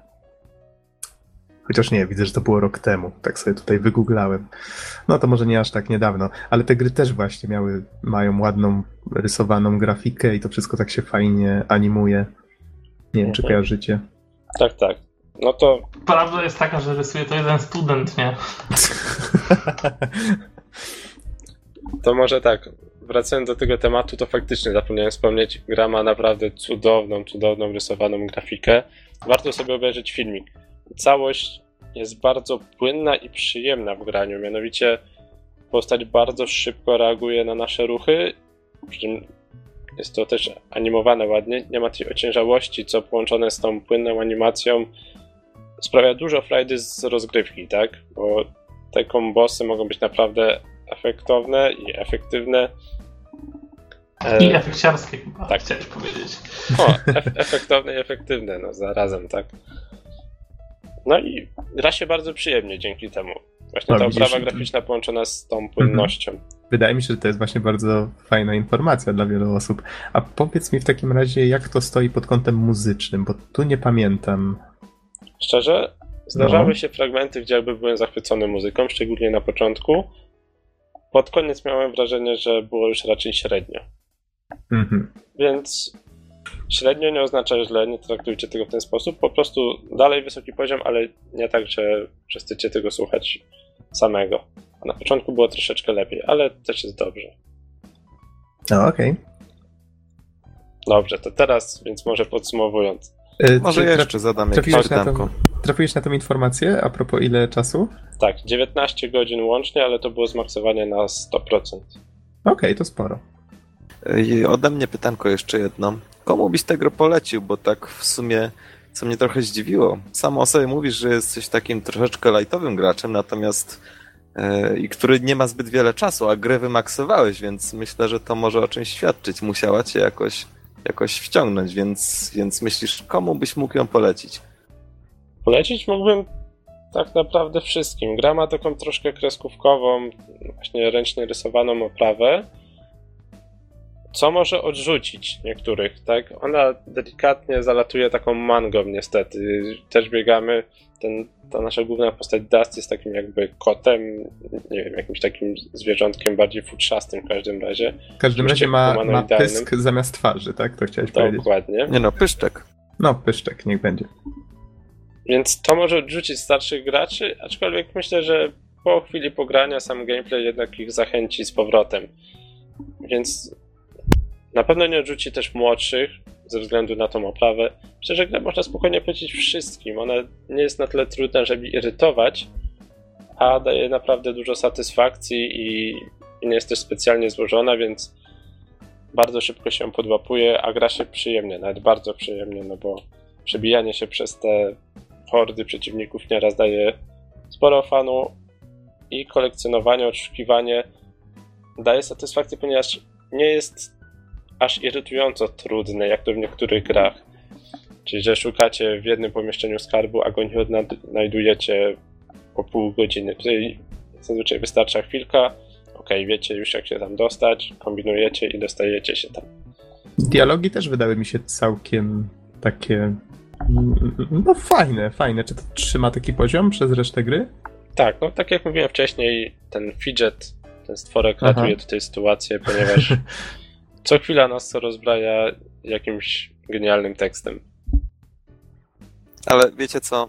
Może trochę zmienię temat. Najbardziej Mhm. i tak rozwala mnie e, wypowiedź Geralta, którą można no, w wielu miejscach w grze użyć. Ja w sprawie ogłoszenia. Myślę, że to trudno jest przebić. Ja w sprawie ogłoszenia. Okej. Oczywiście chodzi o zabicie jakiegoś potwora, no ale jakoś trzeba zagaić do zleceniodawcy. E, No dobra, może już króciutkie podsumowanie w takim razie i, i będziemy kończyć. Tak, ja też już nie mam pytań. Nie wiem, Bizo, nie masz pytania jakieś? Czy ja nie mam pytania. Ja się po prostu dziwię, że ta gra ci się spodobała, bo mi się nie podobało demo, ale może, może właśnie nie dałem szansy tej produkcji. No, jest na bardzo przyjemnym na do chilloutu, powiem ci, takiego, wiesz, wieczornego. Jeżeli szukasz wyzwania, może wyższy poziom trudności, pewnie tak, Albo Dark Souls. albo Dark Souls sprawi ci więcej fanu. Jeżeli chodzi o taki wieczorny chilloucik, jest to bardzo przyjemny. Ta historia niesie coś ze sobą, jest ciekawa, ale jest przebijana tymi śmiesznymi dialogami. Grafika jest bardzo ładna, gameplay bardzo płynny i dynamiczny. Ta postać nie ma żadnych opóźnień, jak to w niektórych grach się zdarza, że zaczniemy machać toporem, to nie możemy wykonać uniku, tylko można przerwać wszystko, wykonać unik natychmiastowo. Ogólnie jest przyjemna, no co by tutaj nie mówić. Czyli mówiąc krótko, polecasz. Tak. Polecam, szczególnie dla tych, którzy szukają jakiegoś takiego chilloutu w nieprzytłaczająco ciężkich klimatach, tylko po prostu dość przyjemnych. Okej, myślę, że tą optymistyczną myślą możemy skończyć. W takim razie dziękujemy wszystkim bardzo za uwagę i do usłyszenia w następnym odcinku. Trzymajcie się. Do usłyszenia. Trzymajcie się na razie.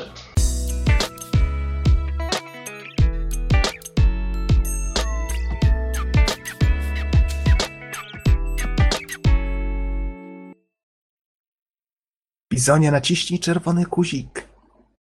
Dziękuję.